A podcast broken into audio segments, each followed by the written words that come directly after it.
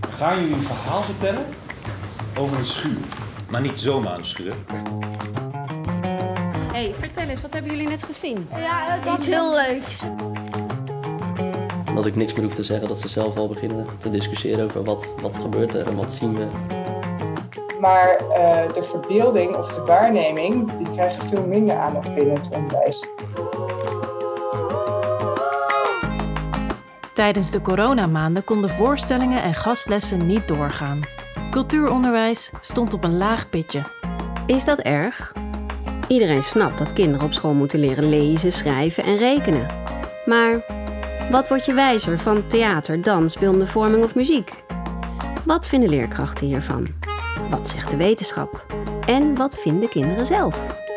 Wij zijn Marlieke Fris. En Annemarie Hogevorst. Je luistert naar de podcast Cultuur in de Klas. Dit is aflevering 1. Wat verbeeld jij je? Over kijken naar kunst met de klas.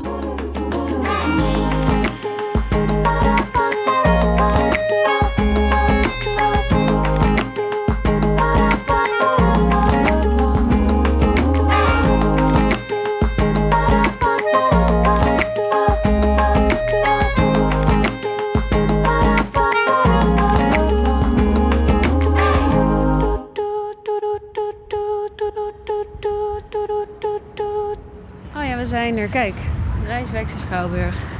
Hey, we gaan zo naar een voorstelling Werktuig van PN Theater. Ja. Samen met nog drie schoolklassen. En eh, ik kan me dat maar eigenlijk helemaal niet meer herinneren. Maar ging jij vroeger met je klas naar theater toe of zo? Nee, volgens mij deden we dat helemaal niet op school.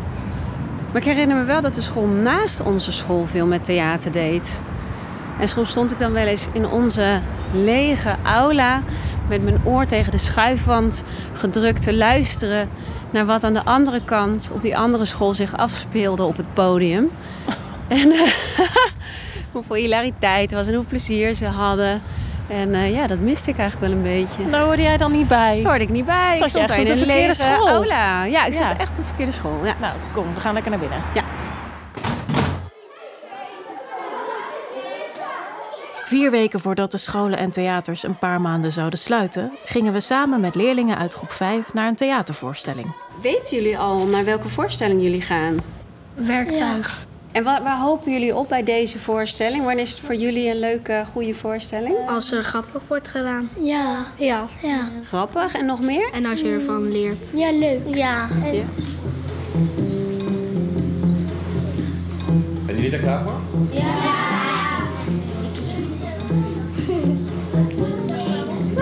Jan voor Erik. Zie je iets?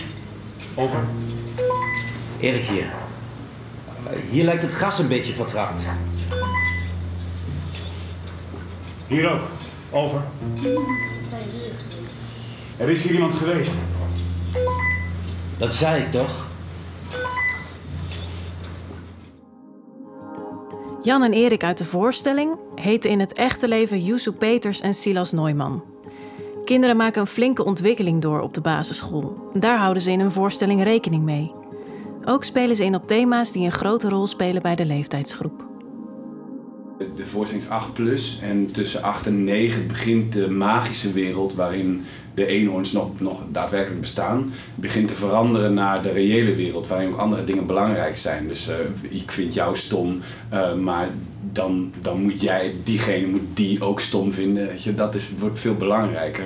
En wij proberen met deze voorstelling daar een soort balans in te vinden. Hallo, Äh, mein Name ist äh, Jan ich habe äh, zwei äh, Walkie-Talkies. Als je niet saai bent, wil je er een? Ik denk in de eerste instantie dat vriendschap inderdaad is voor mij hier volgens mij heel belangrijk. Al- Als je begrijpt wat je v- vriend waarom die dingen doet, dan kan, kan het ook tegen een stootje inderdaad. Dus dat, Ja. eh, dat, dat is wel een belangrijk onderdeel, denk ik. En eh, ja, inderdaad, even over nadenken wat gebeurt als ik dingen doe voor iemand anders. Dus de verantwoordelijkheid. En mijn ouders hebben mij verteld wat jij hebt gezegd. Heb jij die opdrachten geschreven? Ja. En dat pakketje, heb jij dat gestuurd? Ja. Wat zat erin? De wekker van mijn pa. Ik dacht dat het een bom was. Waarom heb je tegen mij gelogen? Jij zei dat het niet zijn mocht worden. Mijn vader vindt het een goed idee dat wij elkaar een tijdje niet meer zien. En dat vind ik ook. En gelukkig hebben we de walkie-talkies nog. Nou, die wil ik graag terug. Ja, het is, die, het is die prille overgang dat je bewust wordt dat er gevolgen zitten aan acties die je hebt gedaan. Waar je als kind natuurlijk gewoon eerst gaat handelen en dan later met je kop er tegenaan stoot dat er iets ter gevolgen aan zitten. En dat je dit door een voorstelling en beleeft, maar ook op een afstand kunt bekijken wat er dan gebeurt. Uh, uh, ja, dat zorgt ervoor dat je meer begrip ontwikkelt voor, voor dat gegeven. Dat vind ik mooi wat hij daar zegt. Dat je, dat je via een voorstelling dingen kunt beleven en van een afstand kunt bekijken. En dat je daardoor meer begrip krijgt.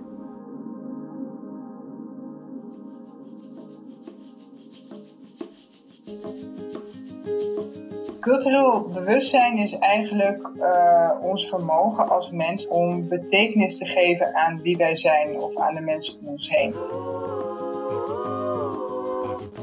Je hoort Thijsje van Dorsten. Thijsje is verbonden aan de Rijksuniversiteit Groningen en onderzoekt het cultureel bewustzijn van kinderen. We vroegen haar wat cultureel bewustzijn is en waarom kinderen dat nodig zouden hebben. We Thijsje spraken was de lockdown net in volle gang. Het gesprek ging via Zoom, dus je hoort hier en daar wat gekraak. Doordat wij een cultureel bewustzijn uh, hebben, zijn we in staat om te reflecteren op wie, wie je bent als individu, maar ook als onderdeel van een sociale omgeving of van een cultuur. Je, het beeld wat je hebt van wie jij bent, van uh, wie jij bent als persoon, je, je kenmerken, je talenten, je beperkingen, bepaalt ook je handelen. Je zelfbeeld is essentieel voor hoe jij je gedraagt. Dus de vorming van dat zelfbeeld is heel erg belangrijk, omdat het de basis is voor alles. En dat vormen van je zelfbeeld kan dus bij uitstek via cultuuronderwijs, volgens Thijsje. Door een voorstelling mee te maken, leer je met andere ogen kijken naar jezelf en de wereld om je heen. Daarmee kun je een nieuwe blik krijgen op je eigen mogelijkheden. Maar geldt dat voor alle voorstellingen? Er moeten bepaalde elementen in zitten die bekend zijn en aansluiten bij de leefwereld. Maar als je de verbeelding wilt stimuleren, moeten er ook elementen in zitten die onbekend zijn. Die van kinderen vragen dat ze zelf betekenis gaan geven, dat ze zelf gaan reflecteren. Verbeelding is altijd persoonlijk en subjectief. Het is altijd jouw interpretatie, jouw betekenis die je aan een situatie geeft. Het kan nooit iets voorgekoud zijn, want dan vraagt het geen verbeelding van de kinderen. Dan is het misschien wel verbeelding van de acteurs of van de makers van de voorstelling, maar dan vraagt het niks van het kind. Niet voorkouwen dus. Een goede voorstelling laat iets over aan de verbeelding. Maar je moet ook aanhaken bij wat kinderen al weten. Dat zagen we goed terug bij werktuig. We gaan jullie een verhaal vertellen over een schuur. Maar niet zomaar een schuur. Een spookschuur. Maar zo'n schuur die de meesten van ons wel kennen. Zo eentje die je, die je tegenkomt onderweg naar huis, maar waar je liever niet voorbij gaat. Oh ja, inderdaad, zo'n schuur. Ik heb ook wel zo'n schuur gezien waar je dan snel langs fietst. Omdat je dan denkt van, klopt dat wel helemaal daar en wat zou daar gebeuren? Dus dat geeft eigenlijk een basis voor de kinderen om hun eigen uh, geheugen, bibliotheek zou je kunnen zeggen, aan te spreken. En vanuit daar zelf uh, betekenis te geven. En zich ook voor te van, wat zou er dan in zo'n schuur kunnen gebeuren? En uh, wie zou, zit daar iemand in of woont daar iemand? Geheugenbibliotheek, wat een leuk woord. Ik stel me erbij voor dat kinderen een laadje in hun hoofd opentrekken om er een herinnering aan iets uit te halen en uh, daar dan weer nieuwe ervaringen aan toevoegen. Ja, inderdaad. Misschien is dit een goed moment om wat meer over de voorstelling te vertellen. In de voorstelling worden werktuigen gebruikt, vandaar de titel, maar vaak worden ze niet gebruikt waarvoor ze echt bedoeld zijn. Op een gegeven moment doen ze het geluid van een fiets na met, ik weet eigenlijk niet eens wat voor voorwerp het was. Een ringratel steeksleutel voor de kenners? Nou ja, het, het, met een vriend ergens naartoe fietsen is natuurlijk iets wat elk kind herkent. Maar om daar dan een vorm aan te geven die heel erg onbekend is, dat, ja, dat, dat prikkelt ook de fantasie. Hé, hey, wat hoor ik? Wat is dat voor geluid? Oh ja, dat is een fiets. Oh ja, maar het is een ander vorm. Hoe zit dat dan? We stapten direct op onze fiets en we fietsten zo snel we konden naar mevrouw de Vries. Mevrouw de Vries is al heel oud. Ja? Ja, ze is heel oud. Oké. Dus we wonen gewoon in de buurt van de begraafplaats. Ja, je moet trouwens niet schrikken, maar haar gordijnen zitten altijd dicht. Ja, oh, en het is heel stoffig. Oh, hier naar links. Oh. Het is ook een beetje doof. Wat zeg je? Het is een beetje doof. Oh, zo. Ja, maar dat vertelt wel altijd verhalen.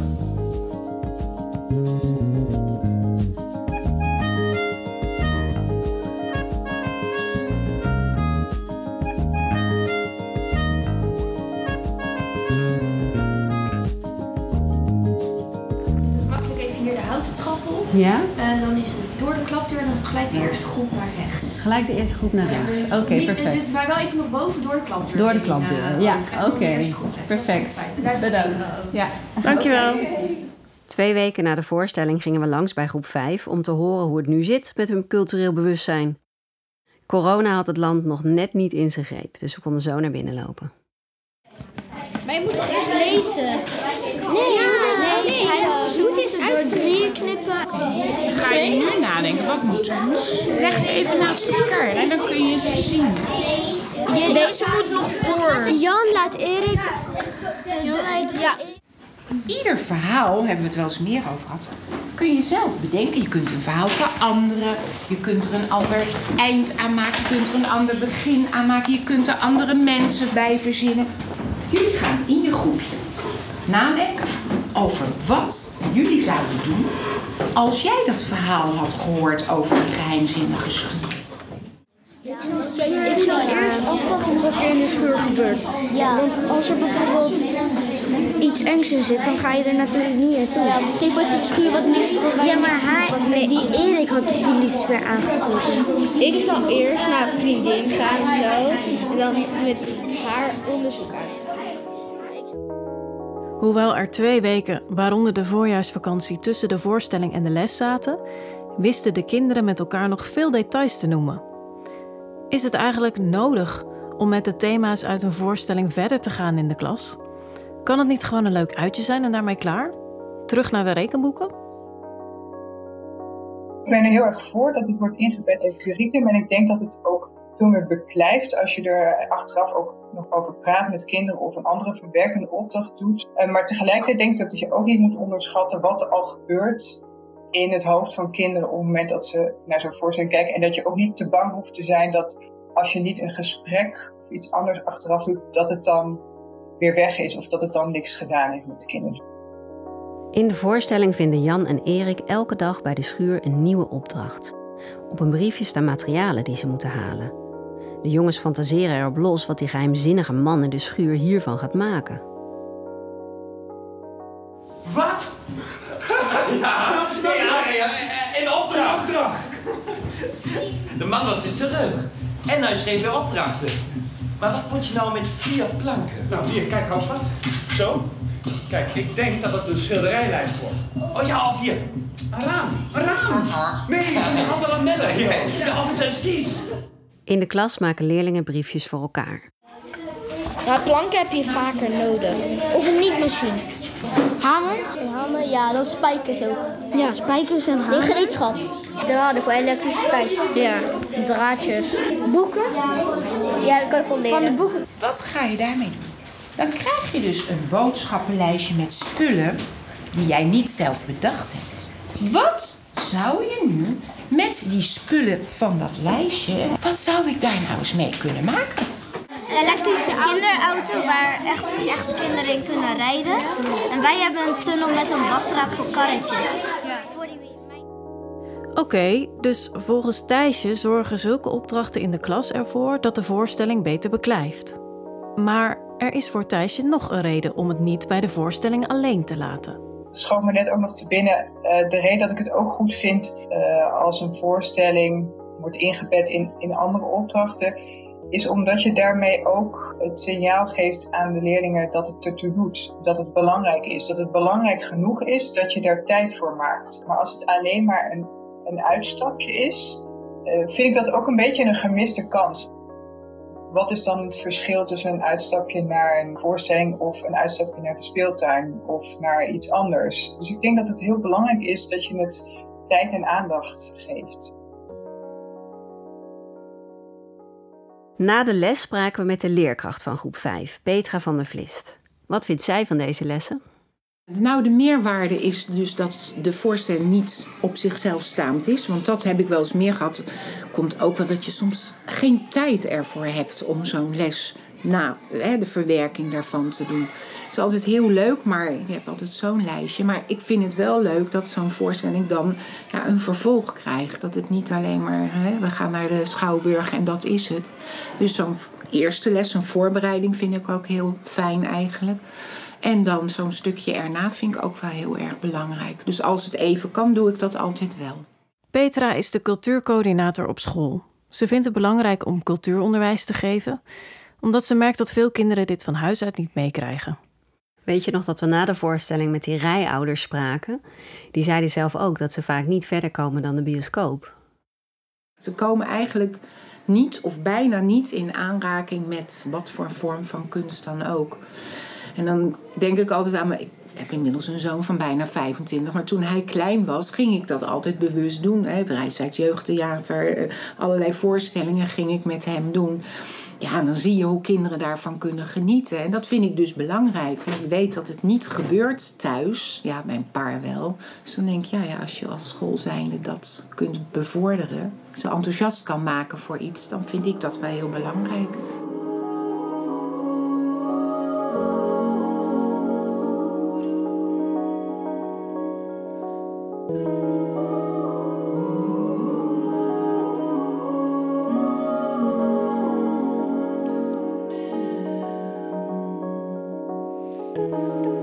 Belangrijk Petra cultuuronderwijs ook vindt, in ons gesprek gaf ze ook aan dat hier weinig tijd voor is binnen het overvolle lesrooster.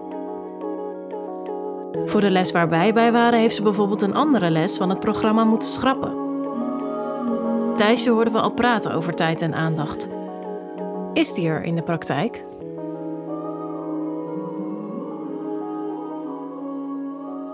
Wat je heel vaak hoort binnen het cultuureducatieve veld, dat dat cultuuronderwijs en met name uh, echte kunstvakken toch een beetje zich in de marges van het onderwijs bevinden. Dus soms letterlijk dat als er nog een uurtje over is, dan kan er nog een tekening gemaakt worden of dan kan er nog iets uh, aan kunst bijvoorbeeld worden gedaan. Of als er nog extra geld is, dan kan er misschien uh, voorstelling worden bezocht. Maar het zit niet ingebed in het hart van het onderwijs, terwijl het wel ingebed zit in, ja, in onze cognitie. En dat vind ik altijd zelf als wetenschapper een interessant fenomeen, omdat het me heel veel zegt over, ja, over onze cultuur. En wat wel interessant is, is dat binnen het onderwijs in Nederland en van heel veel westerse landen worden bepaalde aspecten van het cultureel bewustzijn heel veel getraind, zoals de talige aspecten van het cultureel bewustzijn bijvoorbeeld, of meer analytische manieren van naar de wereld kijken. Maar uh, de verbeelding of de waarneming, die toch ook twee hele uh, fundamentele onderdelen zijn van het cultureel bewustzijn, krijgen veel minder aandacht binnen het onderwijs.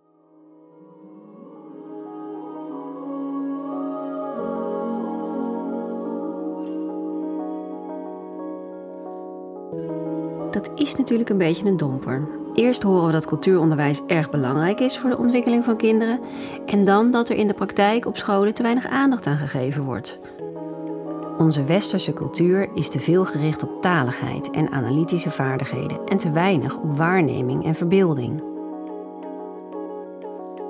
Juist zo'n coronaperiode laat toch ook zien hoe belangrijk creativiteit is? Om flexibel in te spelen op een nieuwe situatie, om beter om te gaan met het onbekende. En cultuuronderwijs draagt daaraan bij.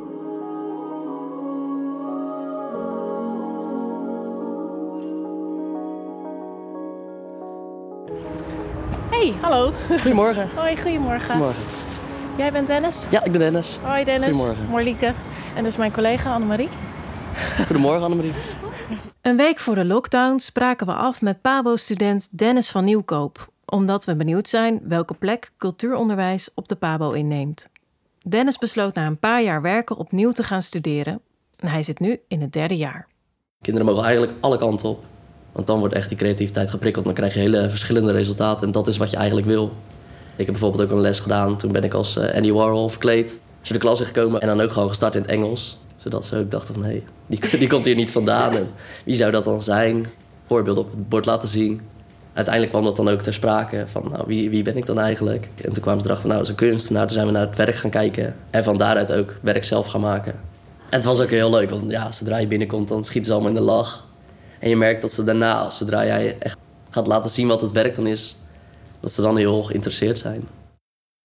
Zoals je hoort is Dennis een enthousiaste student. Vooral de kunstvakken spreken hem erg aan.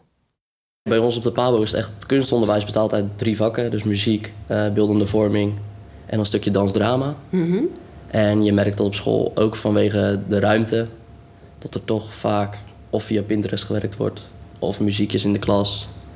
Terwijl dat vak veel groter is dan Ja. dat. Dennis had vroeger niks met cultuur, zegt hij. Maar op de PABO veranderde dat.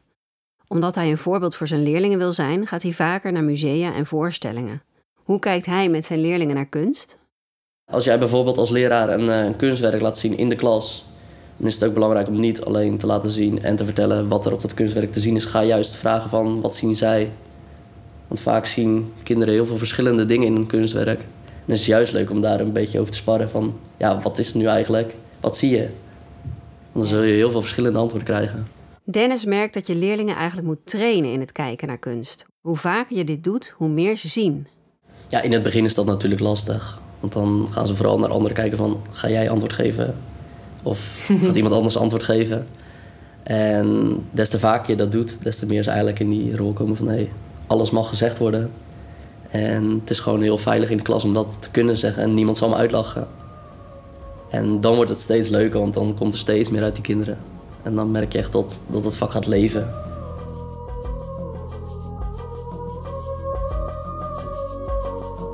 Nou, luisteraars, als je Dennis zo hoort, komen de theorie en praktijk van cultuuronderwijs steeds dichter bij elkaar. Een hoopvolle conclusie aan het einde van deze aflevering. Heb jij nog iets toe te voegen, Annemarie? Nee, het belangrijkste is wel gezegd. Geen kunst omdat het moet, maar omdat het ertoe doet. Ik ben nog wel even benieuwd naar jou, Marlieke. Keek jij naar kunst op school? Nou, nee, nee, niet echt. De nadruk lag daar denk ik meer op zelf iets maken. Maar dat bewaar ik eventjes voor de volgende aflevering. Goed, laten we dan het laatste woord aan de kinderen geven. We vroegen hen of verbeeldingskracht of fantasie belangrijk is. Zeker. Want dan bereik je vaak veel meer. Want als je het kan zien, je fantasie, dan, dan als je het wil worden, bijvoorbeeld DJ, dan ga je ook steeds meer naartoe werken en dan word je het misschien wel uiteindelijk. En het hoeft nooit serieus te zijn. Het kan ook gewoon dat je zelf iets verzint.